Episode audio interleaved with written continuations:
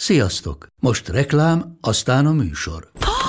Hú, de szép szőnyeg. Új. Igen, tegnap vettem a Diegóban. Ó, és ez a függöny, de szép. Diego! És hamarosan lesz új laminált padló a hálóban. Rátszakott a bank. Csak regisztráltam Diego digitális klubkártyát vásárlás előtt. Csináljunk neked is egyet? Csak egy perc és kész. Regisztrálj te is áruházainkban, vagy a diego.hu oldalon, és azonnal megkapod digitális klubkártyádat, melyel akár 30% kedvezménnyel vásárolhatsz padlóburkolati és lakástextil termékeket. Diego.hu Már meg is kaptam e-mailben. Ez reklám volt, jó volt.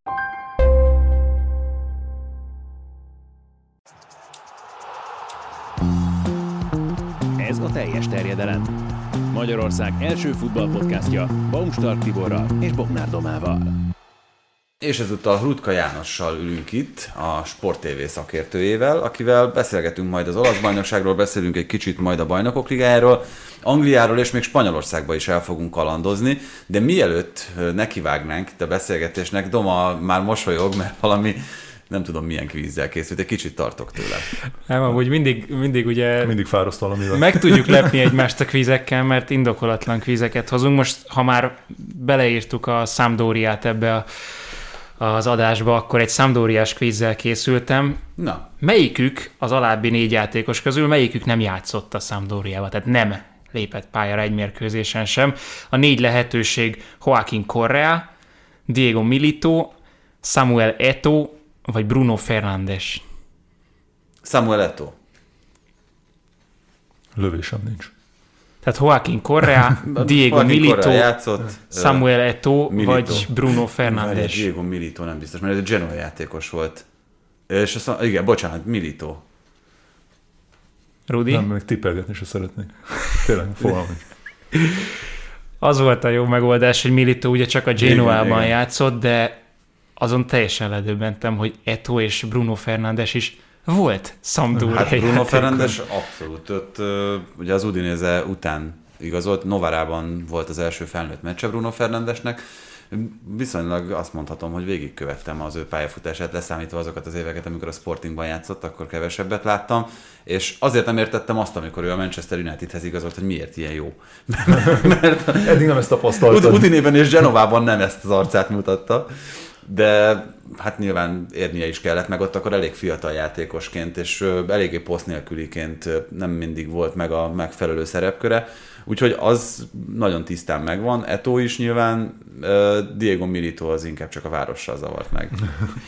De basszus, ezt úgy szoktuk, hogy akkor áruljuk el a megoldást, amikor már a témánál vagyunk. Mindegy, most... Kezdjünk azzal akkor. Sampdoria. Igen, ezt szépen keresztbe vágtam mindent. Semmi probléma. Kiesett a Sampdoria, ami hát egyrészt egy elég szomorú tény, hiszen azért egy olyan csapatról beszélünk, amelyik az elmúlt években ott volt, még hogyha szenvedő csapatként is a szériában, és voltak egészen fantasztikus időszakai a csapatnak. Itt különösen a 90-es évek eleje az, ami külön megemlítésre méltó, hiszen akkor volt például a backdöntő a Barcelona ellen, egészen fantasztikus volt ez a csapat, és abban a szerencsés helyzetben voltam, hogy most nézegettem is ezeket a meccseket, mert Marco Rossi volt az egyik vendég, az egyik Britanniában, és hát ő ugye annak a Sampdoriának 93-tól 95-ig tagja volt, fantasztikus futbalistákkal. Tehát ugye Hulit akkor igazolt a, a Sampdoriához, még ott játszott Mancini, Lombardo, David Platt volt ö, abban a csapatban, Vierhovod mellett játszott akkor ö, Marco Rossi.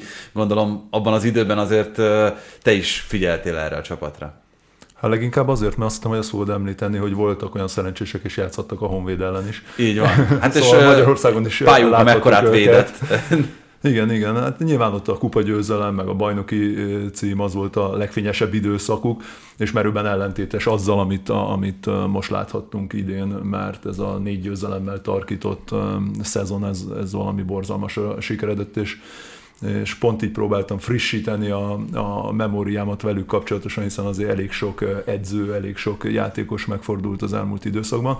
De az, az volt nagyon furcsa, hogy, hogy nem találtam olyan játékost igazából a, a, a keretükben, még utána nézve se az elmúlt időszakban, akire azt mondtad volna, hogy ú, na jó, hát ez, ez valóban hozzá tud annyit adni ennek a csapatnak a, az életéhez, amennyi szükségeltetik ahhoz, hogy esetlegesen a vonal fölött maradjanak. Én különben már azt sem értettem, amikor amikor Stankovics elvállalta ezt a, ezt a feladatot, hogy ő mit látott ebben, rendben van, hogy első szériás megbizatása, de, de hogy ez már leve egy halára ítélt történet volt.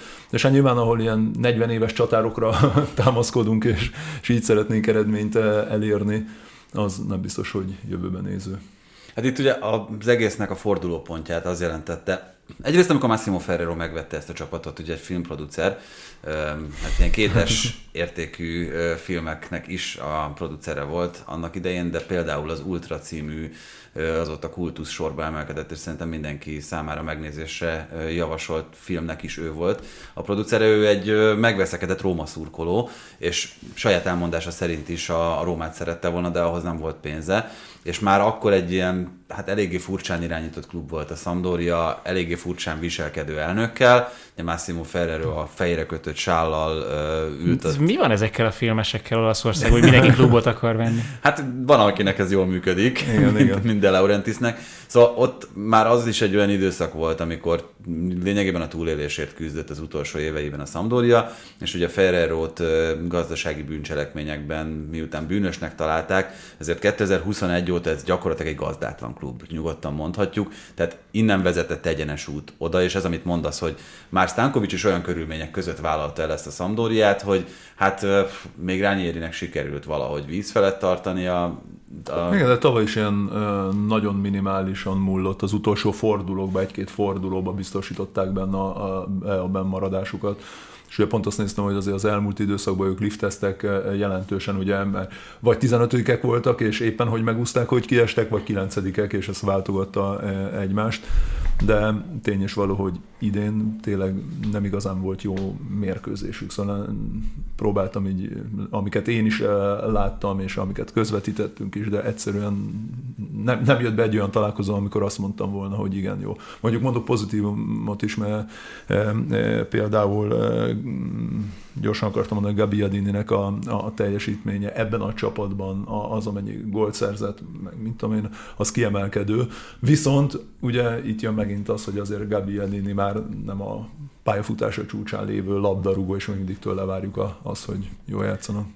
Bedobok valamit, ami szerintem összfutballra is érvényes lehet, és a Sampdoria szerintem nagyon jó példája, vagy ellenpéldája annak, hogy hogyan nem érdemes egy futballklubot menedzselni. Hogy szerintem egy bajnokság erősségét azért az is meghatározza, hogy azok a klubok, amik az élvonalban, vagy az élvonal közelében szerepelnek, mennyire gondolkoznak és működnek projektként.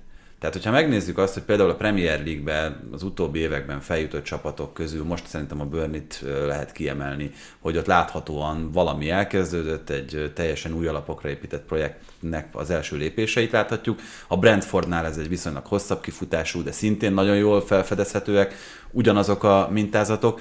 A Sampdoriánál ennek a teljes hiányáról beszélhetünk, és az olasz focinak én szerintem ez az egyik legfőbb problémája, gyengéje. Hiányossága. Hát igen, hogy, hogy azok a csapatok, akik... De ez pénzügyi stabilitáson múlik, nem leginkább. tehát a Premier League-ben... Ez elhatározáson is. Tehát, meg, és a pénzügyi igen. stabilitás pedig a vezetőségi szinten dől el leginkább, és ez az, amiben a Premier League nem csak irányelveket, hanem, hanem szabályokat hoz, hogy, hogy neked ezeket be kell tartani, és hogyha azok lennének, a Premier League angol szabályok lennének érvényesek Olaszországban, akkor valószínű, hogy a klubok felének nem adnának licencet sem szerintem. Hát igen, csak itt arról beszélünk, hogy például Franciaországban, a múltkor, amiről beszéltünk, a Toulouse egy projektcsapatként jutott föl amerikai tulajdonosi háttérrel, láthatóan kiszámítható működéssel, és ez, ezt ennek a hiányát te azért most több olasz kis csapatot láttál ebben a szezonban nálam lényegesen. Én ennek a hiányát érzem a szériában, hogy az nem stratégia, az nem koncepció, hogy túlélünk.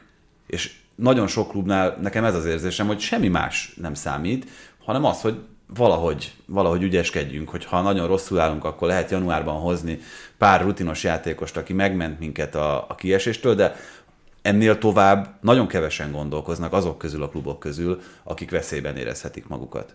Vagy akik éppen a hétvégén győztek, mert ide sorolnám mondjuk a spéciát is abszolút, de hogy említsek egy másik példát is, ugye abban nincsen nagy titok, hogy nem olyan régen érkeztem haza Németországból, és pont erről beszélgettünk kint, hogy Németországban is, ha megnézed a Hertát, ott ugyanez történik évek óta, hogy építik le, nincsen koncepció, rengeteget költekeztek, jött egy tulajdonos, távozott villámgyorsan egy tulajdonos, elköltöttek rengeteg millióját, és mégsem tartanak tulajdonképpen sehol. És azok a csapatok ugyanakkor, amelyek nem számítanak ekkora tradíciójú egyesületeknek, mint például az Union Berlin, hogy a városi riválist említsük, ők meg ezzel a tudatos építkezéssel, vagy akár a Freiburgot ott tudnak lenni most már folyamatosan a, a bajnokság elején. És, és igen, mi, amióta ennyire elüzleti esedett a, a labdarúgás, és különben ezt Magyarországon is tudnánk, szerintem Magyarországon is tudnánk nem kevés példát hozni, azok a klubok tudnak előrébb jutni, folyamatosan ott lenni és jól teljesíteni, akik valóban terveznek és megpróbálnak a piaci viszonyok szerint megfelelően működni. Hát erre szerintem, hogyha már kis csapatokról beszélünk, akkor erre nagyon jó példa, ha még Olaszországban maradunk, akkor a száz szóló, mm. amelyik egy koncepciónak megfelelően gyönyörűen építkezik, és nem is kell tartania attól. Lehet, hogy vannak rosszabbul sikerült szezonjai. Ősszel azért. Lehet, hogyha ősszel beszélgetünk, akkor nem ennyire rózsás a helyzet, de, de kétségtelen. De, de benne van az, hogy, hogy, hogy rosszul, igen, hogy rosszul sikerült igazolások jönnek, de ettől függetlenül kitartanak a koncepciónál. Ugyanolyan típusú edzőket keresnek, ugyanolyan típusú játékot szeretnének játszani, ugyanúgy megtalálják azokat a profilokat, akik, akik alkalmasak a megfelelő pozícióba, és hát itt azért ennek szerintem egy alapeleme mindig az is, hogy mennyire megfontoltak ezek a döntések, és mennyire kapkodóak, és innen nagyon könnyű átkötni az Interre, ahol ugye fejét... Bocs, egy dolgot ezzel kapcsolatban ne hagyjuk ki azt ugye, hogy a Genoa pedig kiesett, följutott, tehát hogy Drávuc Robi hallgatónkat innen is üdvözöljük, azért az, az nem kis dolog, hogyha egy, egy rivális csapatból az egyik lefele megy, a másik fölfele, és hogy előző évben ugye milyen milyen öröm volt a Sampdoriánál, hogy a Genoa végre kiesett, most meg a kár öröm része, hogy az egyik... Ez is kiegyensúlyozza magát, ilyen libik, libikóka szerűen. Igen, erre mondtam, hogy ott pont a bajnokság végén cseréltek helyet uh, tulajdonképpen. Ugye most a hétvégén, ha jól láttam, pont különben rangadót vesztettek a Frosinone ellen, de azzal a sorozattal, amit produkáltak, viszont előtte ez a 13 mérkőzésen keresztül ugye nem nyertek, hát nyilvánvalóan ez az egész éves teljesítményükre azért felrakta a koronát. Na de akkor maradva Olaszországban tényleg az Inter az, amelyiknél, ha már ugye a Sampdoriát említettük, itt a nem annyira régmúltjába visszanézve a Sampdoriánál is eléggé hatékonyan tevékenykedett az a Giuseppe Marotta, aki később a hosszú éveken keresztül verhetetlen Juventus felépítésének volt az egyik kulcsfigurája. A Sampdoriánál ugye Luigi Del Nerivel majdnem a bajnokok ligája kvalifikáció is összejött, ott akkor egy utolsó pillanatban egy playoffot veszített a Sampdoria a Werder Bremen ellen. Milyen régen volt persze, úristen, öreg ember vagyok. Pedig már akkor sem voltam fiatal, amikor ez történt. Szóval, és hát itt van az Internél megint ugyanaz az egyébként koncepciónak nevezhető alapállás, hogy ugyan a csapat, ha lehet hinni a híreknek, akkor folyamatos likviditási problémákkal küzd eladósorba került, nem tudja finanszírozni megfelelően a kínai tulajdonos különböző embargók és szabályozások miatt, de ettől függetlenül a szakmai koncepció az nem sérült különösebben. Mert hogy hiába teljesített mondjuk periódusokban rosszul ez a csapat a bajnokságban, könnyen elképzelhető, hogy ebből, most egyre könnyebben elképzelhető, hogy ebből kettő döntő jön ki, és viszonylag sima bajnokok ligája kvalifikáció.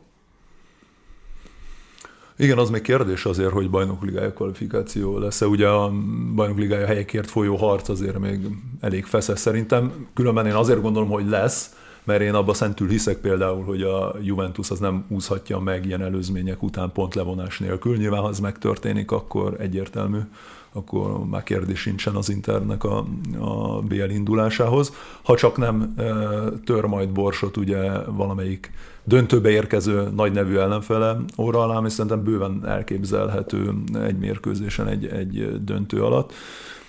És és azért mosolygok mindig, amikor így az Interről lesz szó, mert, és ezt nagyon szeretem feleleveníteni és megemlegetni, mert pontosan egy hónappal ezelőtt ugye mindenki arról beszélt, hogy el kell küldeni Inzágit, amikor kikaptak a Monza ellen, kikaptak a Speciától előtte, és jött egy rosszabb sorozat. Ebből a rosszabb sorozatból különben volt több is idén, mindenki arról beszélt, hogy ú, rekordmennyiségű vereség van a, a bajnokságban, és akkor most mi lesz. De hogy a, ez annyira kupas specifikussá vált ez a, a csapat. Nyilván Inzaghi is az szerintem valamilyen szinte nem is tudom, egy pár harcot vesztett, nem tudom pontosan. A Liverpool ellen itt, amióta az Inter Igen, és és olyan teljesítményt nyújtanak mindig, amikor nagyon rossz periódusban vannak, és, és esetleg egy hullámvölgybe való ereszkedés után vissza kell térni, ugye a Barcelonát is így verték meg egy nullára, hogy utána a bajnokságban is, meg, meg mindenhol elkezdenek fölfele menni.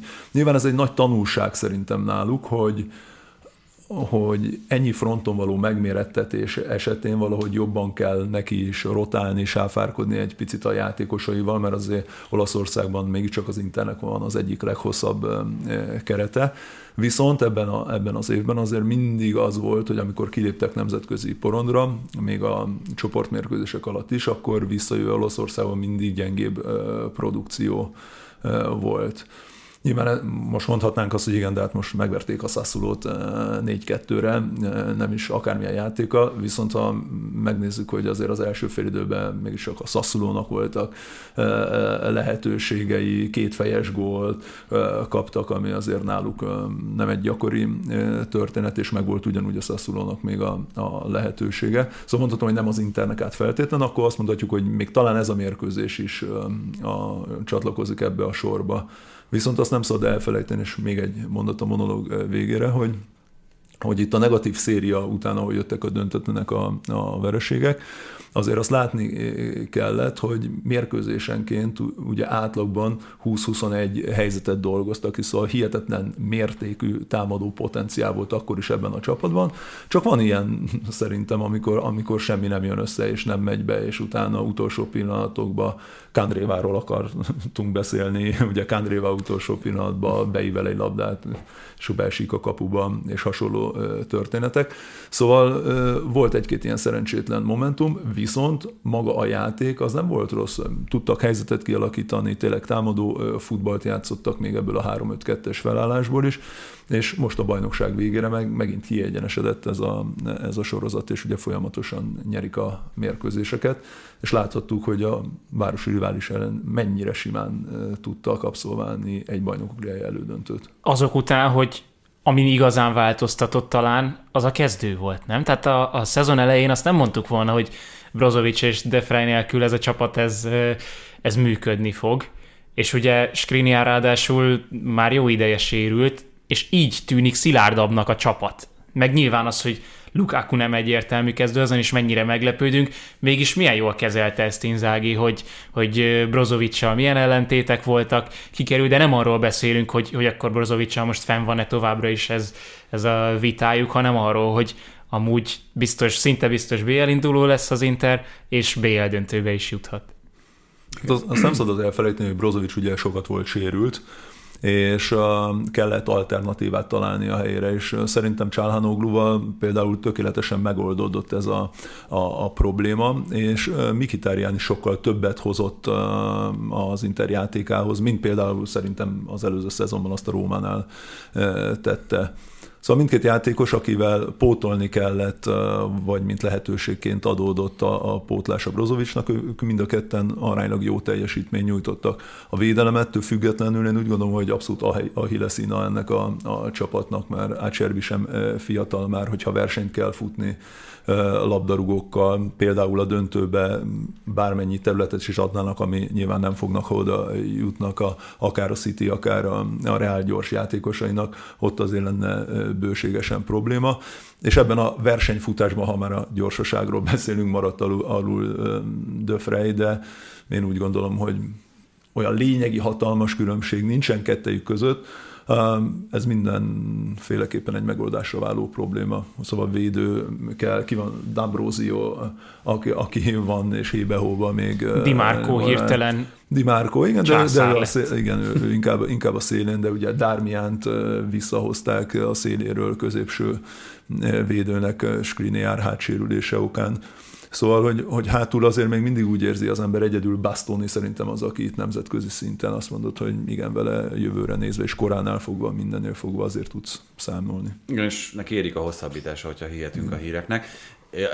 Közben, miközben beszéltetek, eszembe jutott egy olyan kérdés, ami hát nem tudom, hogy ez egyáltalán megválaszolható-e, hogy gyenge egy csap, gyengébb egy csapat attól, hogyha nem fiatalokra épít elsősorban? Mert itt soroltátok a neveket, az aranyalkon nyugdíjas klubból, a nem is hát igen, Dzeko, ugye Darmian sem tartozik, még Handanovicsnak kéne valahogy visszaszerezni a, a pozícióját. Sikerült és, most és, akkor, igen, és akkor tényleg, tényleg gyakorlatilag egy ilyen majdnem nyugdíjas csapatról beszélhetnénk, de ez, ez szerintem kicsit túlértékeljük a fociban, mert nem azért, mert hogy ha, ha 24 éves átlag életkorral áll fel egy csapat, akkor azt mondjuk, hogy ebben mekkora potenciál van. Miközben egyébként egyáltalán nem biztos, hogy azok a 24 éves játékosok három év múlva még ott fognak játszani, és a gerincét alkotják annak az adott csapatnak. Ö, Tibi, akkor csak egy szám. Hát ez, ez, ez, ez, ebben az esetben szerintem tényleg így van. Mert ö, amit te is mondtál, hogy ki gondolta azt, hogy Brozovic kiesésével, Mkhitaryan csapatbeépítésével ez az Inter jobban, vagy legalább úgy fog működni, mint a, az egyébként, most már Brozovic sem tartozik a fiatal játékosok közé, de hogyha megnézzük még egyébként az Inter keretet, ö, azok, akik most kikerültek, Döfrej vagy a többiek is, már mind-mind a rutinosabb kategóriába tartoznak, és lehet egyébként, hogy innen is datálódik az, vagy innen is lehet ezt megközelíteni, hogy az, amit mondtál, hogy a fontos meccseken az Inter nagyon jól teljesít, az pont ennek a rutinnak a következménye. Igen, szerintem igen. Ugye erről nagyon sokat beszéltünk korábban más műsorokban is, és ez- is szóba került most például Németországban, amikor beszélgettünk a régi csapattársakkal, és mindenki említett, hogy ú, nekem már tért protézisem, ú, nem tudok már futni sem, mert így fáj, úgy fáj. Hogy régenben, ugye egy 15-20 évvel ezelőtt, amikor valaki elérte a 30 éves kort, akkor azt mondták, hogy idős, öreg labdarúgó, van még egy-két jó éve és, és jó pár rossz, és akkor abba kell hagyni a, a, a labdarúgást. De azóta, amióta a statisztikák, a tudományágak integrálódtak a, a, sportokba, és sokkal tudatosabb lett a felkészítés, sokkal tudatosabb lett a, a táplálkozás, sokkal több mindent tudnak mérni. Ez nyilván nagy mértékben kitolt a, a pályafutásoknak a, a, a, a végső stádiumát és az utolsó éveit. Azért, ha megnézzük a, a világ legjobb játékosainak gondolt labdarúgókat, persze van egy fiatal generáció, de az öme az mind 30 év fölött van akár Spanyolországban nézzük, akár Olaszországban nézzük. Szóval találni bőségesen, de Angliába is nem kell messzire menni, ugye De Bruyne sem a fiatal generációhoz tartozik például. Szóval nagyon kitolódott a, a, a pályafutásoknak a, a, vége, és, és valóban itt, itt az, hogy már valaki 30 éves, mint például Lukaku is, az már az nem, nem számít öregnek, sőt 30 év fölött ugyanúgy visszajönnek most már tércalak szakadásokból, nagyobb sérülésekből is úgy, hogy, hogy észre sem veszi az ember. Ez, ez jó pár évvel ezelőtt ez elképzelhetetlen volt. Ettől függetlenül nyilván biztos számít a, a, a rutin, de egy tudatos építkezésben valószínűleg olyan játékosok kellnek, akikre azért tud számítani hosszabb távon is, mert, a, mert az Internél azért ez mindig billegni fog, és azért az sem véletlen, hogy hogy Inzaghi azért nem rotált olyan sokat, hogyha kellett volna még egy nevet mondanunk például, aki a középpálya közepén tud játszani, akkor... akkor Aszlánit már kellett nem- volna mondanunk, csak ő egyelőre nem. Gagliardini. de hogy nyilván ők már nem az a minőség, amivel mondjuk bajnokok ligájában el tudsz jutni az elődöntőig. Pedig pont Gagliardini eldönthette volna a továbbjutást. Az odavágó. Eldőlt az már így is. No, öm, beszéltem már többet erről a németországi túráról, és ö, ezzel kapcsolatban is akartunk kérdezni, meg ezzel ak- akartuk kezdeni az adást eredetileg. De A- inkább még a kvíz előtt. Inkább jönnek a kvíz. De jött a kvíz. És mindent lesöpört. Felborította az adásmenetet. De annyira nem tudta, hogy ezt, ezt kihagyjuk, mert kint jártál Kaiserslauternben, a fiatalabb hallgatók kedvéért. Mondjuk el, hogy milyen okból. Hát 98-as bajnoki cím okán, szóval előbb, amikor mondtad, hogy mennyire öreg vagy, és mikre emlékszel, akkor akartam poénkodni, de gyorsan elengedtem, hogy én most De arra is érkezem egy 25 emlékszem. éves, igen, Én már akkor is nagykorú voltam, amikor bajnoki cím évfordulójáról. Szóval ott nagyon kíváncsi vagyok, hogy ez egyáltalán hogyan néz ki, meg, meg, meg hogyan működik, mert ugye sokszor mondjuk azt, hogy az igazán jól működő klubok azok mennyire tudnak figyelni ezekre az egyébként protokolláris eseményekre, mennyire képesek gondozni a múltat, a, múlt csapattagjait, hogy elmeséled azt, hogy ez ilyenkor hogy működik, hogy értesítenek, hogyan zajlik ez az egész esemény? Kicsit visszább kell kanyarodnom, akkor nem elvéve az időt a többi téma elől, de... De ez sokkal érdekesebb, mint a többi téma. Úgy, úgy, én mindig azt vallottam, hogy nekem egy ajándék életem van és volt, mert ugye nagyon szerencsésen alakultak az eddigi életemben, a, főleg a szakmámmal kapcsolatos történések.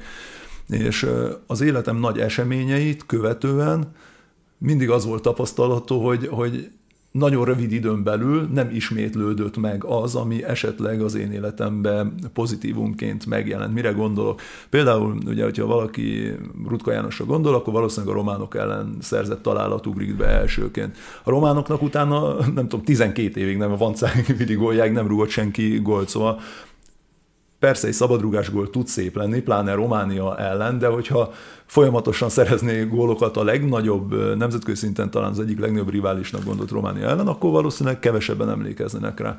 Na most a hosszabb bevezető után ide tartozik tulajdonképpen a, a Kaiserslautern bajnoki címe is, hiszen 25 éve ugye ez a klub megjárta most a harmadosztályt, most a másodosztályban van, ott is voltak financiális nehézségek, egyéb visszaélések is.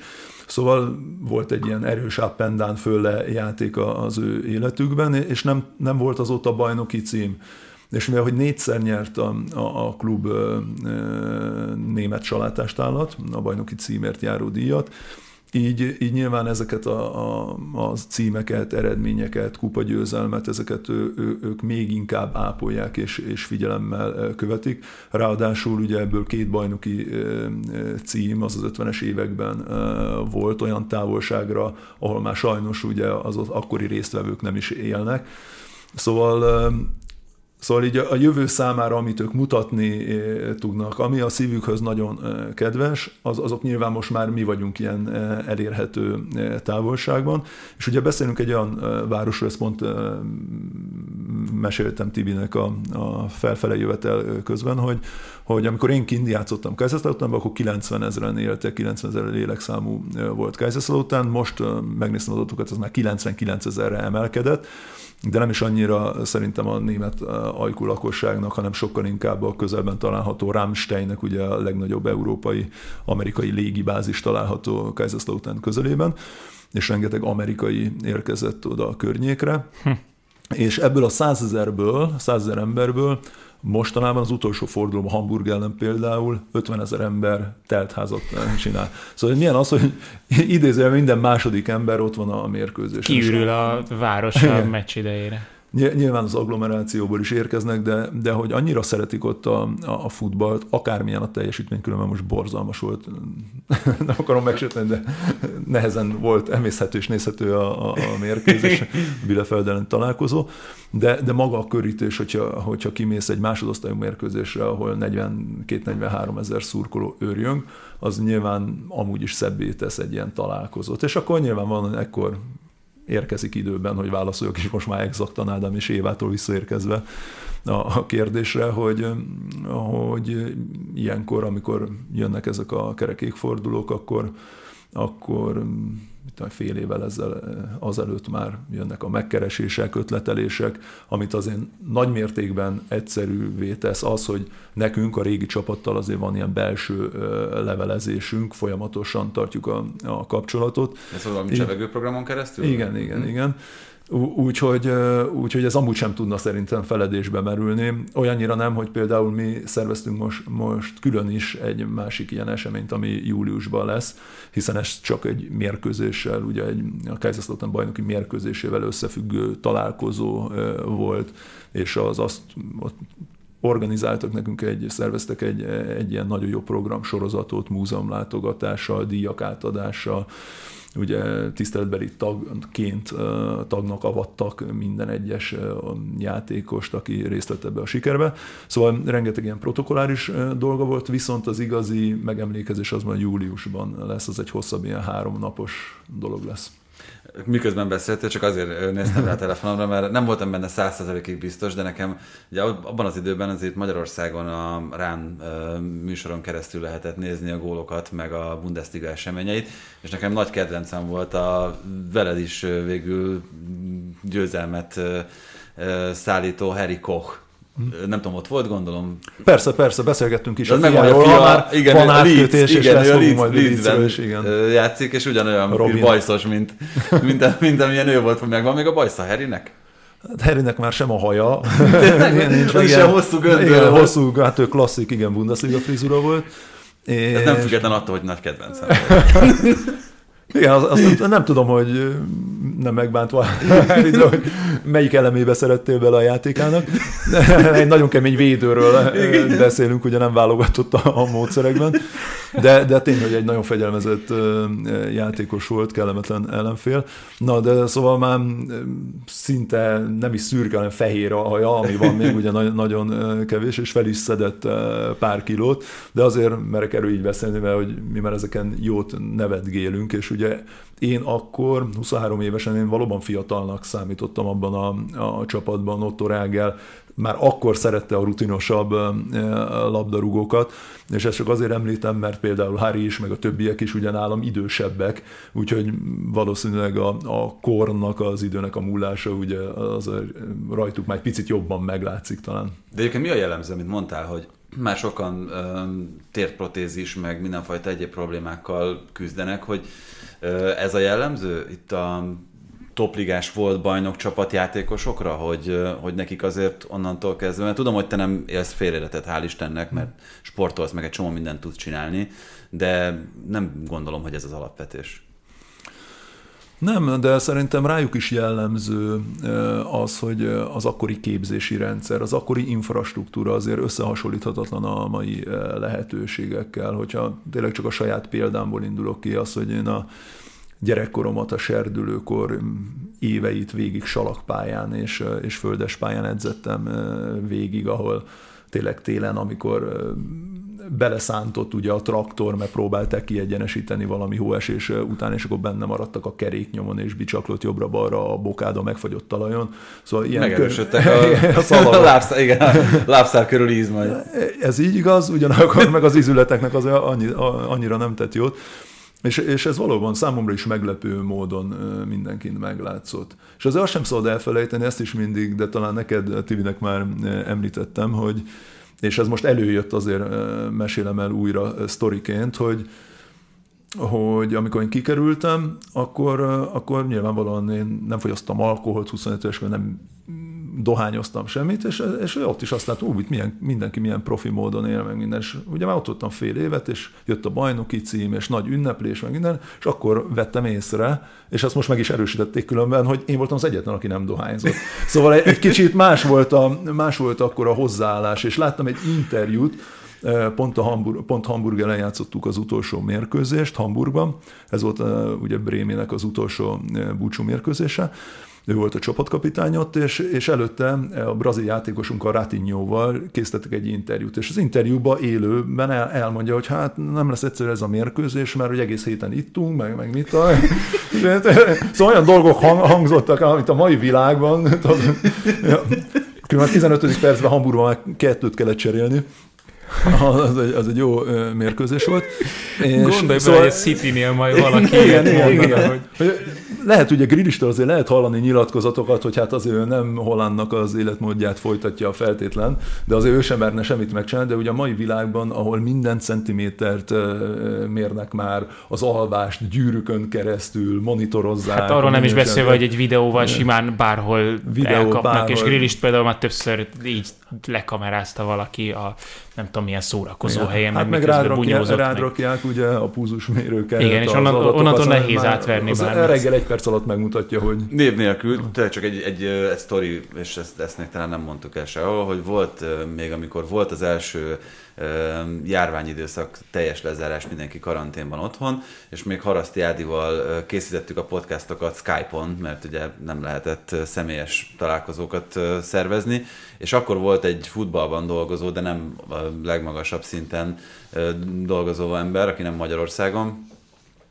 dolgozik, és ő mondta azt, hogy péntek este készítettük, tudom, este kilenckor, hogy tényleg egy ennyi, egy újnyi pohár vörösbor volt kitöltve, hogy ez kitölti magának, de hogy ez nehogy látszon a felvételen, mert azonnal kirúgják az állásából, hogyha ez, ez kiderül, hogy ő alkoholt fogyasztott bármilyen adásban. Tehát, hogy amit mondtál, csak ezt egy kicsit tovább víve, hogy, hogy ma már ez az egész héten ittunk, és ezért nem megy majd a játék, az, Jó, de különben ennek megvan a másik oldala is, mert um, pont um, a Miroslav Kadlec, ugye, aki középső védő volt, korábbi cseh válogatott játékos, ő is ott volt ezen a megemlékezésen, ő, ő mondta, hogy pont a mérkőzés nézve, hogy volt a Bielefeldnek is egy jobboldali játékosa, afrikai játékosa, és, és hogy rendben van, hogy akkor ő, ő például cigizett meg minden, de hogy annyi edzés volt, meg olyan munka volt benne, hogy, hogy nem volt olyan, hogy ő elfáradt vagy valami, és hát nézd meg ezt a fiút a jobb oldalán, 60. percben le kell húzni, hogy a mai fiatalok ugye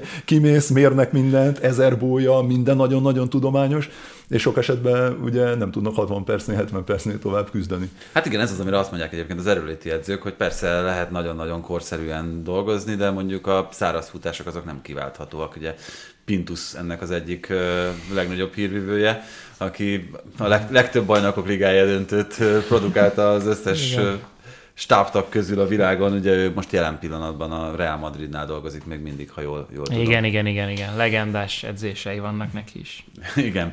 No, hát nagyon köszönjük. Ez, ez egy nagyon izgalmas betekintő volt. De akkor menjünk tovább a Premier League felé, ahol tényleg csak egy kicsit ilyen röviden átbeszélve, a hétvégén zajlott nagyon fontos történéseket, kezdve azzal, hogy a bajnoki cím, azt gondoltuk már eddig is, hogy eléggé valószínű, hogy a Manchester Cityhez kerül.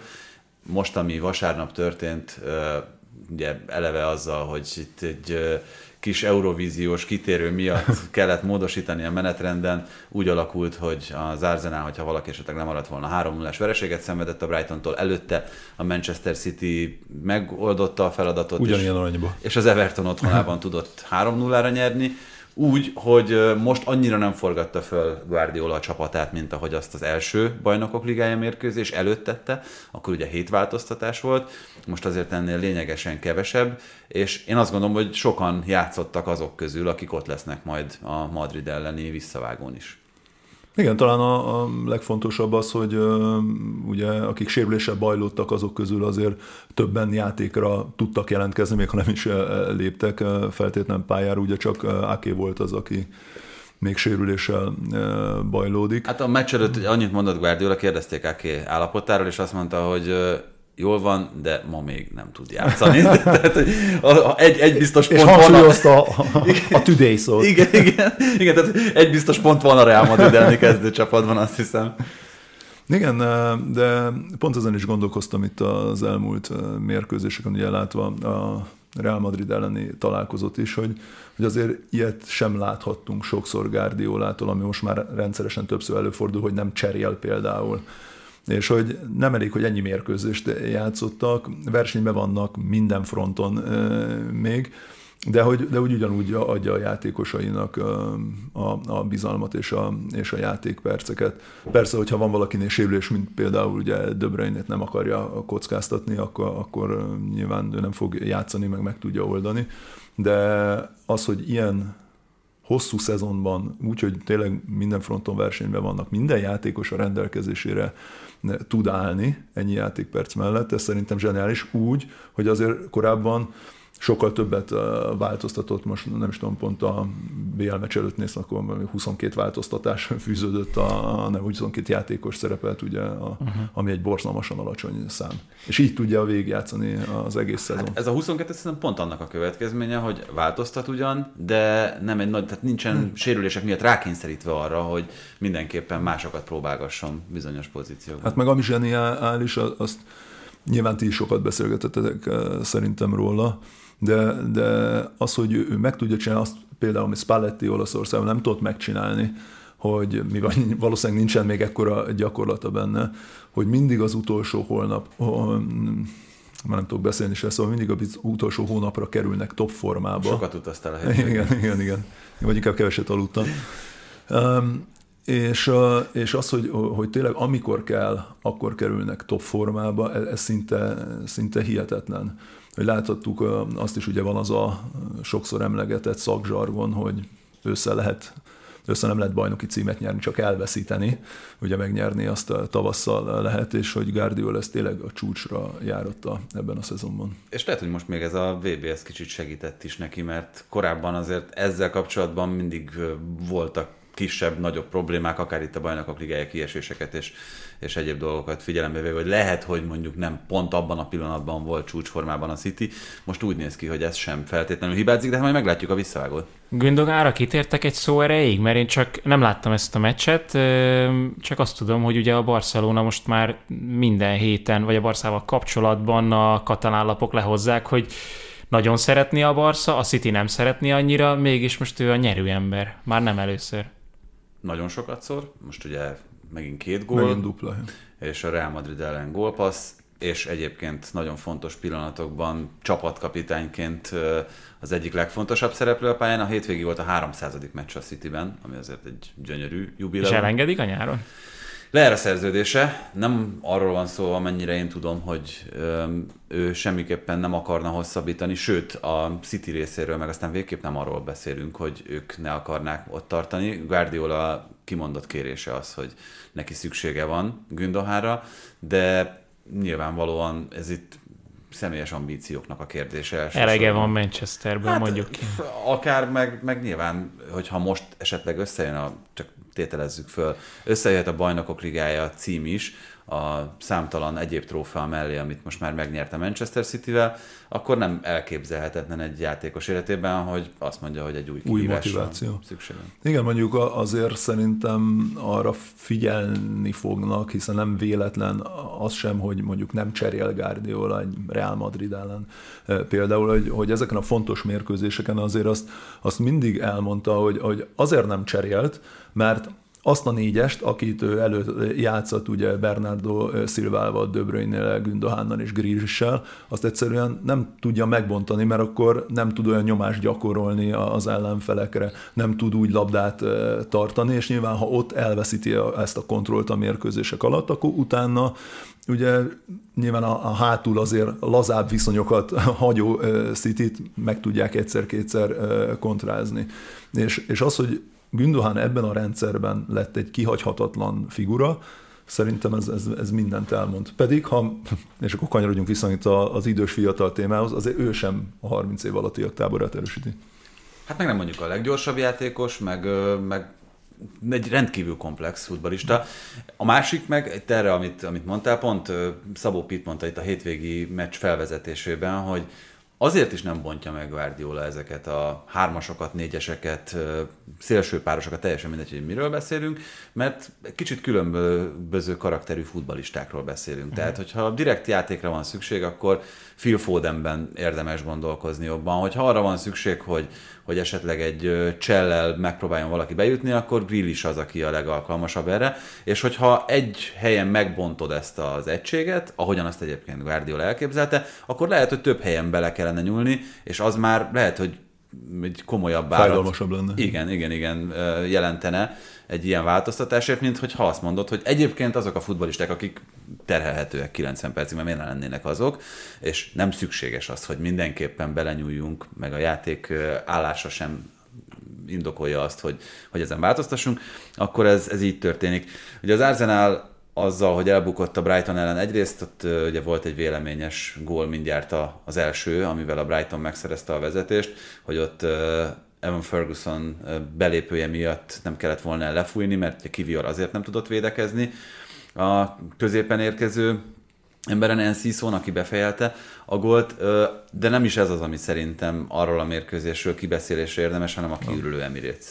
Tehát az, hogy, hogy félháznál is kevesebb nézze azt, ahogy ez az Arsenal, amelyik fantasztikus idényt fut, elveszíti a bajnokságot, az számomra megmagyarázhatatlan. Tehát ebben a helyzetben a Arsenal szurkolók részéről az egyetlen elfogadható magatartás az lett volna, hogy fölállva megtapsolják a, az egyébként érez, vagy érthetően szomorú focistákat. És ez az, amiben például Kaiserslautern és a német futball kultúra egy kicsit más. Ugye az, az angol sem ilyen. Az angol sem ilyen. Figyelj, a, a győzelem összekovácsolja a, az összes foci szurkolót, meg az összes csapatot is egyébként, ez egészen biztosan igaz, de de a, a német foci kultúrában benne van az, hogy olyan erős az a közösség, hogy még egy, egy vereség esetén sem kezdenek el ki gyalogon. Meg nem feltétlenül csak azért mennek ki egy, egy meccsre, hogy győzni lássák a csapatot. És a Premier League-ben pedig ilyen jegyárak mellett, és ilyen felfogással, hogy azért a jó része a szurkolóknak turista, és, és csak a, a azért van ott, mert életében egyszer, kétszer, ötször kinéz egy ilyen meccsre. Meg végképp nem menjen el a 85 Hát ez az. Hát ez az, de hogy így nem tudsz közösséget formálni. Nem gondoljátok, hogy különben ez, mint oly sok minden más is az életben kommunikáció kérdése? Hogyha sokkal nagyobb hangsúlyt fektetsz arra, és azt erősített, hogy oké, okay, nézzük meg az elmúlt évek folyamatait, építkezését, hogy honnan, hova jutottunk el, és hogy ez a lépcső, ez mit jelent ebben a szezonban, hogy a második helyen tudunk lenni, mennyi pontot gyűjtöttünk most az elmúlt évekhez mérten, és folyamatosan súlykolod, erősíted ezeket a, az információkat a szurkolókban, akkor ő bennük is átfordul ez az egész.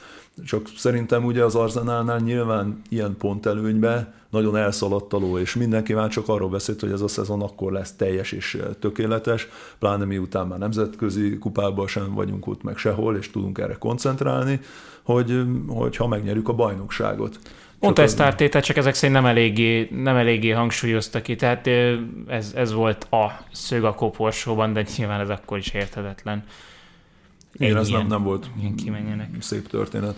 És milyen érdekes nem a, a sors fintor, hanem a Trosszárnak a, az esete, hogy ő hibázik, úgyhogy jött, és és nagyon rossz meccset játszott, miután be kellett állni a megsérült Martinelli helyére. De hát ez én azt gondolom, hogy benne van a Brighton az egyik legjobban támadó csapat a Premier League-ben, az egyik legjobb csapat, szerintem ezzel sem túlzok nagyot.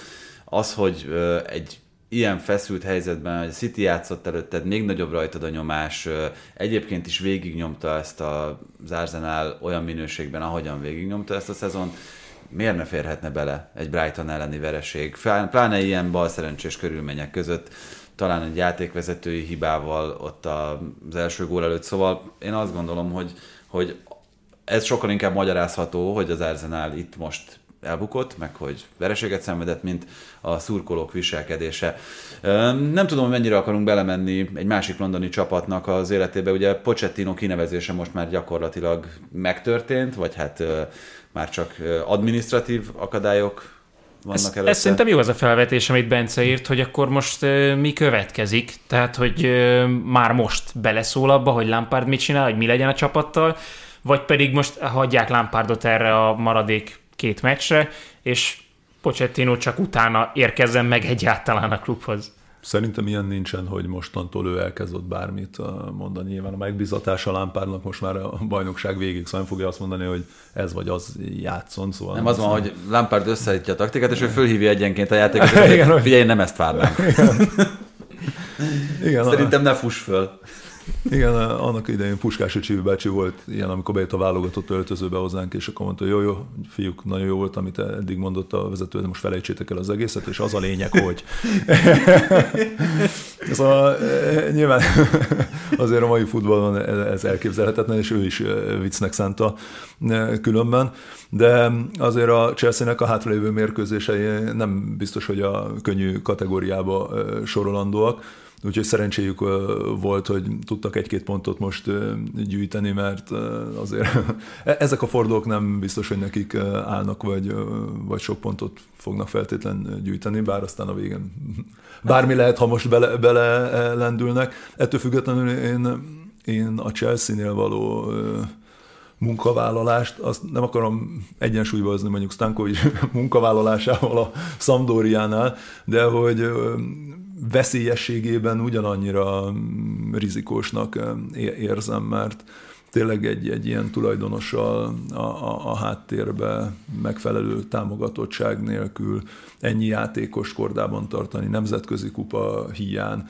szóval motivációt adni neki, felépíteni valamit, ez, ez nagyon nehéz feladat, bárkinek, a világ legjobb edzőjének is, és ugye a nagy kérdés mindig az, hogy egy ilyen menedzser játékos, vagy menedzser játékot űző klubtulajdonos mennyi türelemmel lesz egy olyan projekt iránt, amit láthatjuk az Arsenalnál is, hogy alsó hangon három-négy év. Hát meg ne haragudjatok, ez milyen projekt? Tehát, hogy az a mai hír, csak hogy egy, egy egészen friss dolgot is idehozzak, hogy attól függetlenül, hogy Rafael Leao aláírta a hosszabbítást a Milánnál, ami ugye megemelte a kivásárlási árat 175 millió euróra. Ez volt a cél? Ez volt a cél, de hogy a Chelsea ter- tervez ajánlatot tenni 175 millióért is. 200 millióért. De, igen, legyen az 200, igen, kerekítsük.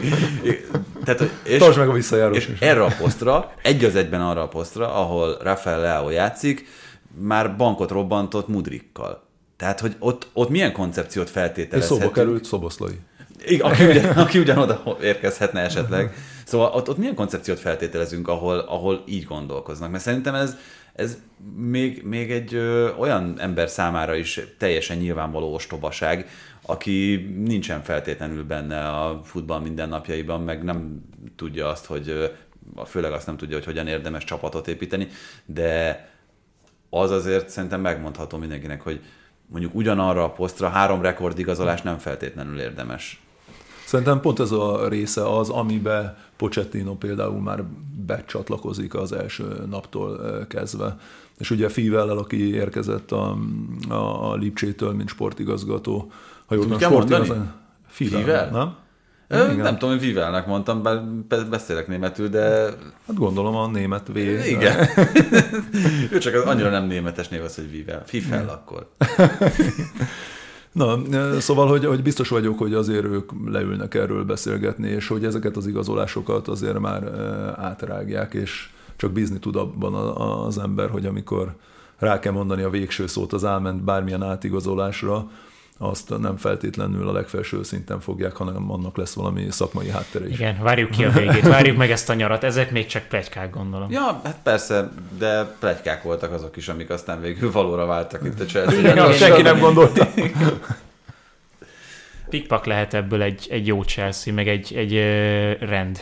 Igen, hát végül is választási lehetőség van, hogyha játékos, hát 32 játékosban ki tudsz választani 11 olyat, aki tud futballozni, meg talán együtt is képes eredményt elérni. Ezzel szemben ugye van egy másik londoni edzőkereső csapat, ott pedig nagyon érdekes módon viszonylag kevés információt tudunk arról, hogy az első számú jelöltnek szánt Julian Nagelsmannnal miért szakadt meg a tárgyalás Levy, illetve Nagelsmann menedzsmentje között. Christian Falk, aki viszonylag képben szokott lenni, főleg németországi ügyekkel kapcsolatban, annyit írt a Twitteren, hogy Nagelsmann szakmai elképzelése állt nagyon távol attól, amit a Tottenhamnél felvázoltak, de hát ez is elég ködös. Mi erről pont beszélgettünk egy pénteki műsorban, és ugye ott az volt a, a, a megközelítés, hogy Nagelsmann szeretett volna, mint előbb a Chelsea-nél, nem véletlenül én, én ezt teljes jogos kérésnek gondolom, beleszólni az igazolásokba, és hogy olyan, egy olyan szakvezető is vele, akin keresztül ugye tud- tudnak együtt dolgozni, és nem az van, hogy a játékosokból kell neki csapatot építeni, amelyek közül azért az elmúlt időszakban a Tottenhamnél is volt nem egy, nem kettő mellélövés ezen a, ezen a, ezen a szinten.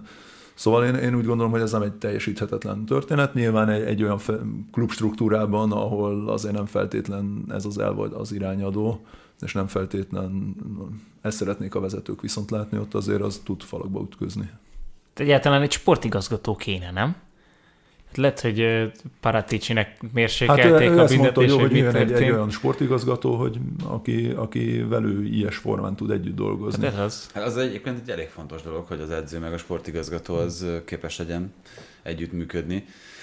Meglátjuk, mert én egyébként lelkesedtem volna ezért a Tottenham Nagelsmann kapcsolatért, hogyha ez összejött volna, de majd meglátjuk, hogy ott kit találnak, aki, aki elvállalja ezt. Még Angliából egyetlen egy dolog, ami egy kicsit fájdalmas, ez pedig a Southampton kiesése. 11 év után búcsúzik az első osztálytól. Az a csapat, amelyiknek főleg ott a 2010-es évek közepén Mauricio Pochettino irányításával, és akkor itt megvan a közös pont még az előző témához, egészen kiváló eredményei voltak, ugye Szerintem Hazenhüttelt is nyugodtan ide vehetjük ebbe a sorba. Tehát, hogy nem, igen, nyilván nem a különbséggel, hogy ott már alsóházi csapat, azért Pochettinóval Ja, ott, ott európai kupaindulásért ment a csapat, Tadicsal a sorokban, meg... meg Van Dijk, Mané, tehát Na jó, csak olyan, eladogatták ezeket a játékosokat nyilvánvalóan, hogyha Főleg nem a tud ugyanazokat a, igen, a minőséget szállítani, akkor előbb-utóbb ez meg fog látszani a helyezésen is. Igen, és ott is arról beszélhetünk, hogy egyébként, hogyha beszéltünk a Sampdoriáról, hogy ott a koncepció teljes hiánya okozza a problémát, meg a gazdátlanság, azért ez a Southamptonra egyáltalán nem igaz. Tehát ott szerintem van esély arra, hogy ez a csapat viszonylag gyorsan visszapattan, és egy eléggé határozott elképzeléssel vissza tud jutni. Ezt, ezt én is így gondolom, most pont néztem a hétvégi Fulham elleni mérkőzésüknek a, a statisztikáit, és, a, és ugye meglepődve láttam, nyilván én azért nem követem minden nap ö, hatalmas figyelemmel a Southamptonnak az életét, de ö, hogy mennyi sérült játékosuk volt, és nyilvánvalóan, amikor eleve nincs sok, nincs nagy minőséged a keretben, és azok közül is még jó páran sérültek, ráadásul van olyan játékos is, aki nyilván mérkőzéseket is tudna akár eldönteni, akkor, akkor, akkor az tud nehézségeket okozni, és, és valóban maga az a tény, hogy te nevelsz lehetőséget, biztosítasz, jó megfigyelő rendszerrel rendelkezel, és tovább értékesítesz, az, az, az tud nagyon jól működni hosszú ideig, de ebben benne van az is, most tényleg nem megint magyar párhuzam, amit tudom, az MTK-nál, hogy benne van az is, hogy a fiatalok, vagy éppen a lehetőséget kapó játékosok nyilván egy más szinten is, de hogy nem tudnak első osztályú minőségű produkciót nyújtani mindig. És ez a biztosíték, hogy ott van továbbra is az a hátország, az akadémia, a, A megfigyelőházat, amit, amit mondtál. Számomra az a legnagyobb kérdés, hogy azok a játékosok, akik egyértelműen Premier League szinten vannak, elsősorban James Ward-Prowse-ra gondolok, Hmm. hogy ők vajon megjárják-e a, a tisztító tüzet, a poklot majd, Hmm. vagy, pedig, ö, vagy pedig úgy döntenek, hogy inkább otthatják ezt a, ezt a szotont. Na zárásként még átnézünk Spanyolországba, ahogy ígértünk, mégpedig, hát nem tudom, hogy szomorú-e azok, nyilván itt az idő szava az azért megkérdőjelezhetetlen. Már megint az idős játék.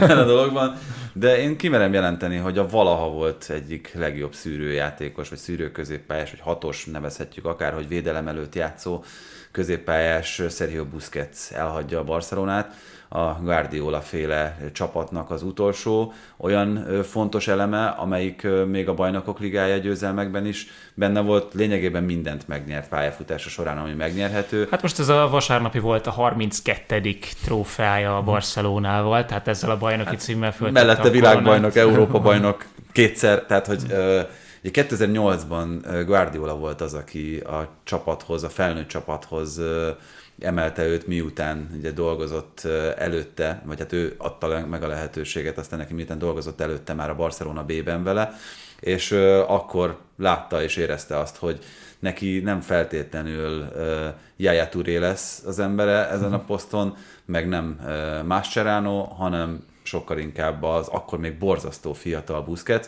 aki soha nem tartozott a legerősebb és a leggyorsabb játékosok közé. Kettő dolgot kell szerintem vele kapcsolatban kiemelni. Viszont a legokosabb. Igen, hogy talán nála jobban a játékot senki nem olvasta, az ő Hát ezt mondta Del Bosque, hogy ha... Mi ez, hogyha... a játékot, az nem ő mondta, az, az azóta kiderült. Tehát, hogyha nézed a meccset, és nem lát, nézed a meccset, akkor nem látod Busquetset, mert hogy ugye láthatatlan, Igen, viszont igen. ha Busquetset látod, akkor látod az egész futballt. Ez egy nagyon jó bombó, de ez egyébként nem Del Bosque-től Nem Del származik, volt? hanem egy blogger ö, adta a szájába ezeket a szavakat, mint ahogy az később aztán kiderült. Ó. Ez pont egy atletik cikkben ö, volt fönn nem olyan nagyon régen. Szóval az egyik az ez nálam, hogy ahogyan olvasta a játékot, és ahogyan helyezkedett, a másik pedig, ami szerintem egészen kivételes szuper tehetsége volt Busquetsnek, az a nyomásállóság. Tehát, hogyha valaki életében focizott, főleg mondjuk játszott kispályán is, akkor nagyjából föl tudja mérni azt a helyzetet, hogy milyen az, amikor egy-két ember támadja, miközben az embernél van a labda. Busquetsnek ezek voltak azok a szituációk, amiket a, amiket a legjobban tudott megoldani. Én azt mondom, és kíváncsi vagyok, hogy erre a felvetésre ti mit válaszoltok, hogy korunknak ő és Modric az a két játékosa, aki, aki ebben ilyen szinten ki tudott magaslani. Mármint a nyomás. Nyomástűrőség. Nyomás tűrőségben. Igen, én mondjuk most mondjuk pont ide húznám egy kicsit fiatalabbként ugye Rodrit is, de, de hogy való, valóban, szóval a posztjának az egyik legjobb labdarúgója a mai, mai napig különben 34 évesen, és azért nem véletlen, hogy, hogy most is még tudott 40 mérkőzést játszani ebben a szezonban. Aminél voltam döbben vele kapcsolatosan, az sokkal inkább az, hogy, hogy nyilván az ember az mindig arra emlékszik, hogy ú, valaki gólhelyzetet alakít ki, valaki gólpaszt ad, és, és ezek a nagy ünneplésre okot adó dolgok, nagyot véd, ezek maradnak meg, nagyot szerel, ezek maradnak meg az emberben. És akkor néztem, hogy játszott 720 mérkőzés, és 18 gól, nem szeret, nem, nem, mi történt, nem engedték oda még 11-esekhez sem, vagy, szóval nagyon kevés gólt szerzett, és, és az ő játéka viszont mégis annyira emlékezetes maradt szerintem, hogy a Barcelonak a futballja az nélküle, nem, nem létezett volna. Ami tiki-taka, az tulajdonképpen az, az, annak Busquets volt a, a központja, és, és, és az agya, és valóban az megerősítve, amit, amit említettél is, hogy nem volt olyan helyzet, akárhányan támadták le, hogy, hogy ő zavarba jött volna, hogy ne vegye észre azonnal, már mielőtt megkapja a labdát, hogy melyik irányba kell fordulni, hova kell passzolni, mi abban a helyzetben a, a legjobb megoldás és ez a passz hatékonyság, ami őt jellemzi mind a, a mai napig, az, hogy a labdanál van a legnagyobb biztonságban, szóval ez, ez tényleg hihetetlen. Ez a csodás ebben, ugye, hogy tehát, hogy amikor azt mondod, hogy nyomás álló valaki, milyen módszereid vannak arra, hogy, hogy te a védődet távol tartsd magadtól. Mondhatjuk, hogy Messi is nyomásálló, hiszen hogyha rámegy egy védő, akkor ő kicselezi, elfut mellette. Ugye a legegyszerűbb megoldás az, hogyha jönnek feléd, és te elfutsz a másik irányba. Tehát van, aki így, így nyomásálló, és, és úgy próbálja megverni az emberét. Vannak a Modric féle nyomásálló emberek, akiknek az eszköztárában minden benne van. Tehát onnantól kezdve, hogy az átvétel sarokkal, fel, fejjel, háttal, combbal, bármivel legyen, onnantól kezdve Külsővel, már ezzel, igen, igen, igen, igen, bármivel meg tudja verni az ellenfelét, és a passz hatékonysága is kiemelkedik. Busquetsnél ugye nem beszélhetünk arról, hogy micsoda cselezőkészsége van, De milyen az, mivel fizikai a labdát, az, van. azért az igen. Ez, ez a, az időzítés, az, hogy milyen testpozíciókban veszi át, tolja meg, meddig vár egészen pontosan azzal, hogy tovább passzolja a labdát, és ugye ez kulcsa Guardiola féle fociban, és egyébként a Real Madridnak abban a nyomás tűrőségében, amit az utóbbi években többször megemlítettünk itt a BL kapcsán, és ez az, ami igazán csodálatos, hogy nem volt kimeríthetetlen az eszköztára abból a szempontból, hogy, hogy milyen fizikai ereje van, hogy milyen cselezőkészsége van, mégis ez a, ez a metronóm, ami, ami ő volt, hát az, kiemeli még, még a mostani Barcelonából is. A Azért az, Krooszt hogy... húzzuk még ide, szerintem még itt hát Jó, nyilván Gündohánt lehet még ide húzni. Hogy hát, nem, csak hogy, hogy, nyilván a Kroosson gondolkozó, ugyanez még jelen pillanatban is a Madridban, hogy nem véletlenül játszik a legfontosabb mérkőzéseken, mert és nincs egy eladott labdája, bármilyen helyzetben, labda kihozatalnál olyan fontos a pozíció. Igen, igen, igen. Egyébként talán Kroos van a legközelebb hozzá, annyi, hogy Kroosnak is az eszköztárában hmm. még ugye a lövés az, az kiemelkedő szerepet kap. Busquetsnek talán ebben a szezonban láttuk egy-két lövését a Barca, de lőni se nagyon lőtt korábban. Tehát arra se volt rákényszerítve, és tényleg a, a passz az, ami az ő feladata, és... és Jó, hát ott szóltak neki statisztikailag, hogy azt most már engedd el. Átlövésben nincsenek gólok. Na hát igen, itt egyetlen kérdés ezzel kapcsolatban, potolható-e Busquets?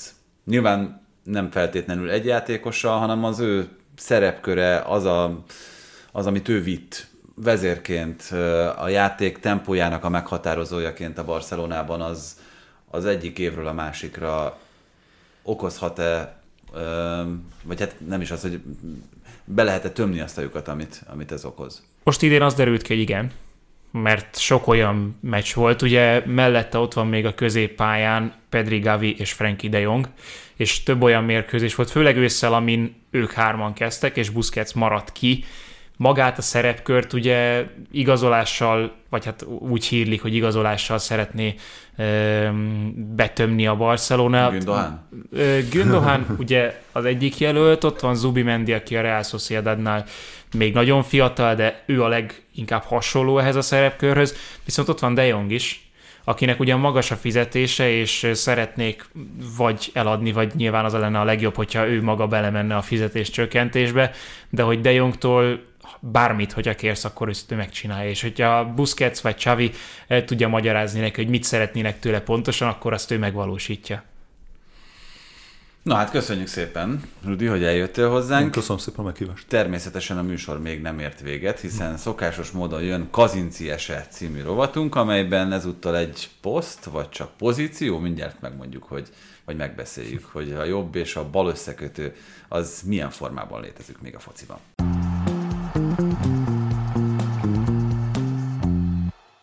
És ismét itt van a kazinciese, ezúttal Szabó Krisszel, Somos Ákossal és Bognár Domával fogunk arról beszélni, hogy létezik-e még olyan poszt, vagy olyan szerepkör, ugyan, ugyanúgy, mint ahogy a Libero esetében erről beszéltünk, hogy jobb vagy bal összekötő. Ez ugye még abból az időből származik, amikor VM rendszerben játszottak a csapatok, öt támadóval, és az összekötő volt a center, illetve a szélső között az a játékos, aki keresztül átjutott, átjuthatott a labda. Én amellett próbálnék érvelni, hogy igen, igenis létezik ez a szerepkör, főleg Guardiola Manchester City-ében, illetve Arteta Arzenájában, és meg is lehet mondani, hogy ki az, aki például klasszikus jobb összekötő szerepkörben játszik, például Kevin De Bruyne, aki rendszeresen a jobb összekötő helyéről, a jobb összekötő pozíciójából szokott beadni, csak ezt manapság kicsit divatosabban úgy mondjuk, hogy a jobb oldali félterületből. Azt hittem azt fogod mondani, hogy box-to-box középpályás. Csak hogy összefűzzük az adásokat. Igen, ez, ez egy jó felvetés, hogy ha innen indulunk, mert azoknak, akiknek esetleg nincs meg, hogy mi ez a VM rendszer, csak nagyon gyorsan, ugye el, egymással el kell, el kell képzelni egy W-t meg egy M betűt, a betűk csomó pontjai azok ugye egy-egy posztot takarnak, és ugye a V a W alja két pötty, azok voltak ugye jellemzően a 8-as meg a 10-es, most ilyen arany csapat nyelven szólva puskás és kocsis. Az M-nek a teteje, ami szintén két pötty, az meg ugye az 5-ös, 6-os pozíció, ők voltak a fedezetek, a bozsik meg az zakariás. És ugye ez a, ez a két, vagy ez a négy pötty összesen, ez mostanában egy ilyen bűvös négyszöget alkot, és az a vicces, hogy egyébként 1958-ban Ádám József, Daras Albert és Hideg Kuti Nándor megírta a Labdarúgás bűvös négyszöge című könyvet, tehát hogy semmi új nincs a nap alatt, mi semmit nem találunk ki, mondják ezt a legtöbb taktikusok, mert azt mondják, hogy igazából csak ilyen régi ötleteket hasznosítanak újra. De ugye azt látjuk, hogy a mai modern fociban meg szintén elkezdtek ilyen bűvös négyszögeket használni, azért, hogy mondjuk a középpályás fölényüket ezzel tudják érvényesíteni. Amit angolul egyébként boxnak neveznek, csak úgy kiegészítésként. ez, ilyen, ez ilyen nagyon metává válik, hogy akkor a box-to-box az a boxon belül dolgozik? Tehát, de, ne, de nem a 16-oson belül, hanem a box belül középen. Igen. Tehát, hogy ugye Jonathan Wilson, a, a híre szakíró, írt most nemrég egy nagyon érdekes cikket ezzel kapcsolatban. És ő, neki az a tézise, hogy minden formáció akkor nyer értelmet, hogyha megnézed azt, hogy mi volt előtte, és az a formáció mire jött gyakorlatilag válaszként.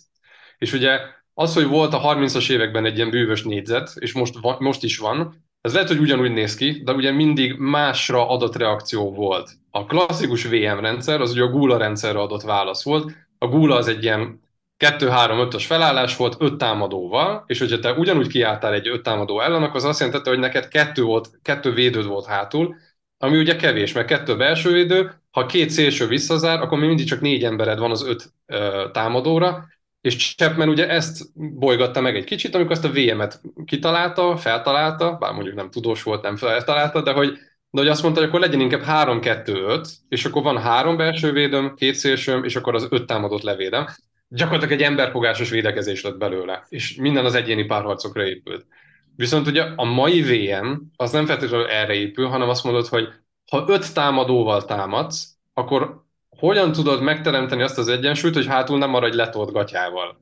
És ezért aztán gyakorlatilag optimalizálod a területnek a lefedettségét, és ugye egyre többen használják azt, hogy akkor hátul hagysz három plusz kettő embert, amiből általában mondjuk négy az hivatásos védő, mert azt mondod, hogy Zinchenko belép a középpályára, de ő hát, bal hátvéd, vagy John Stones belép a középpályára, miközben jobb hátvéd, és az egész kiad egy trapészt, amivel kevésbé vagy ugye kitéve a kontráknak. Ugyanaz, de mégis más. Tehát a régi VM az, az azt jelentette, hogy nagyjából támadásban és védekezésben is mindenki az volt, ahol ezt a pozíciót elfoglalta. A mai VM az meg ugye sokkal alakváltóbb. És én emiatt mondom azt, hogy én ezeket nem hívnám összekötőknek, mert ma már nem egy-egy ember oldja meg a csapatrészeknek az összekötését, hanem sokkal inkább az, a csapatszintű mozgás az, aki, ezek, ami ezeket megteremti. Tehát visszatérve a példádra, azt mondod, hogy De Bruyne a jobb oldali félterületben játszik, oké, okay, ez teljesen igaz, De ugye a labda nélkül meg előfordul, hogy ő csatárt játszik, vagy szélsőt játszik, vagy nyolcast játszik, visszalép a középpályára. Ergo, onnantól már nem feltétlenül ezt az összekötő szerepkört tölti be. Úgyhogy én emiatt mondom azt, hogy ma már annyit változott a foci, és a csapatoknak a belső dinamikája is annyira, annyira alakváltóbb, mint régen, hogy emiatt én nem feltétlenül nevezném ugyanannak a pozíciónak a két dolgot. Doma? Én is ezzel értek egyet, hogy úgy képzeltem el elsőre az összekötőt, mint hogyha egy csocsóasztalon a, az egyik sorban lenne egy másik színű játékos, aki összeköti ugye a, mit, a középpályát meg a csatásort, és valahogy így képzeltem el a, azt, a, azt a kort a fociban, ahol ez még valid volt, tehát kicsit, kicsit statikusabb volt a játék, és az összekötő az valóban összekötött, úgyhogy ez, ez Kriszre rákapcsolódik teljesen, hogy, hogy az összekötő poszt, mivel ma már sokkal hibridebb minden egyes szerepkör, ezért, ezért szerintem e, így konkrétan nem létezik.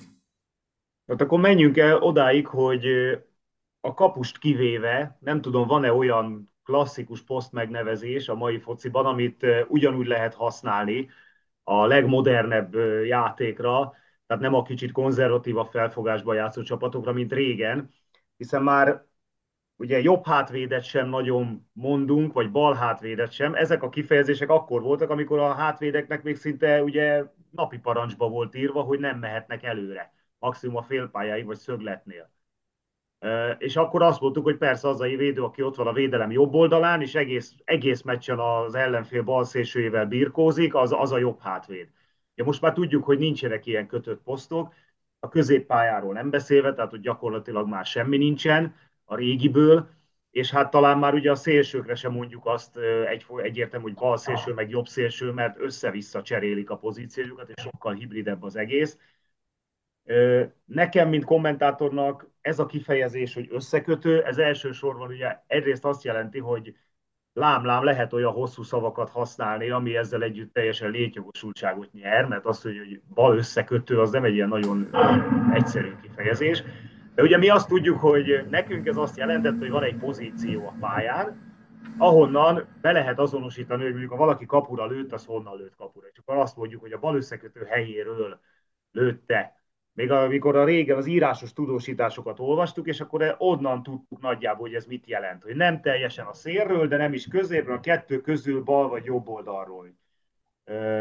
Az, hogy maga a, a poszt az már valószínűleg nincs meg, az engem azért nem zavar különösebben, mert közvetítés közben amúgy sem nagyon használtuk. Tehát ez is egy ilyen szakmai kifejezés azt, hogy valaki... De, de, visszat, de visszatérve Ákosra, amit most mondasz, hogy a bal összekötő helyéről gyakorlatilag ezt váltotta fel most a félterület. Uh-huh. Igen, de ö, nem tudom, tehát én, én a, a, a, kicsit közelebbről volt. Tehát azt mondjuk, hogy a bal kötőből lőtt valaki egy nagy gólt a hosszú sarokra, azt azért, az, azt azért nem a, nem a félpálya és a 16 közötti területet látod magad előtt, hanem közelebbről, tehát 16 belülről tekeri be mondjuk a, a bal összekötő helyéről. A félterület az szerintem ilyen szempontból más, de igen, az biztos, hogy gyakrabban használjuk ma már. Hoppá, jött is a rövidítés, a bal kötő, az már nem is összekötő. Igen. Nem bal külsővel találtál, hanem bal küllővel. ja. Igen, ezek már egész, egészen apró. És én Ákossal maximálisan egyetértve azt mondom, hogy, hogy szerintem, vagy legalábbis nekem is közelebbi az, hogyha akár csak a pozíciót határozzuk meg meg a másik, amit mondott, hogy gyakorlatilag, hogyha ebből indulunk ki, hogy ez ma, ma már nem létezik, akkor ugyanígy nem létezik a védekező középpályás, meg nem létezik a, az irányító középpályás poszt sem, amit ugye használtunk, használunk. Úgyhogy én amellett kardoskodnék, hogy attól függetlenül, hogy nektek annyira nem tetszik, nyugodtan használjuk. Akár egyébként a szerepkört, akár a posztot, akár a pozíciót. Csak a liberónál már egyszer ugye megbeszéltük, hogy ez is milyen jó kifejezés volt, és hogy, hogy lehet, hogy ma már nincsen klasszikus liberók, de attól még, vagy söprögető, bocsánat, söprögető volt hiszem. Igen, de hát az, annyira jó. Az. Igen. Egy utolsó dolog, Tibi, hogy ezzel kapcsolatban, hogy nekem az összekötő az, az egy olyan képet hív elő, hogy ő a postás, és aki régen lusta játékos volt, az nem, nem kötött össze semmit, ők ott álltak vagy a középen, vagy a szélen, és az összekötő meg őket összekötötte, és azért jött létre ez a kifejezés, mert annyira látványos volt a különbség, hogy az összekötő ö, gyakorlatilag a ragasztó a csapatnak a statikus részei között, hogy ezért kezdték el használni rá, és hogy ma már mindenki ragasztó, és mindenki, mindenki annyival többet mozog, hogy, hogy nincsenek ilyen lustajátékosok, vagy hát lustajátékosok az vannak, tudnánk mondani, de, de ennyire lusták nincsenek. Jó, hát akkor ez volt a jobb és a bal összekötő kibeszélése. Jövő héten egy újabb témával jövünk kazinciesében. Ennyi volt mára.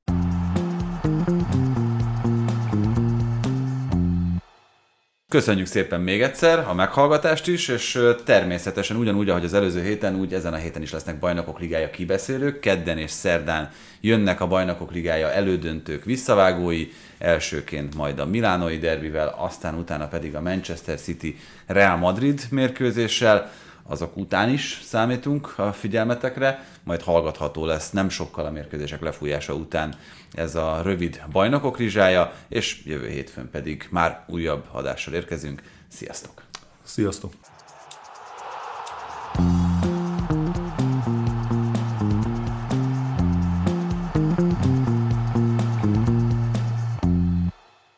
Ez a műsor a Béton közösség tagja.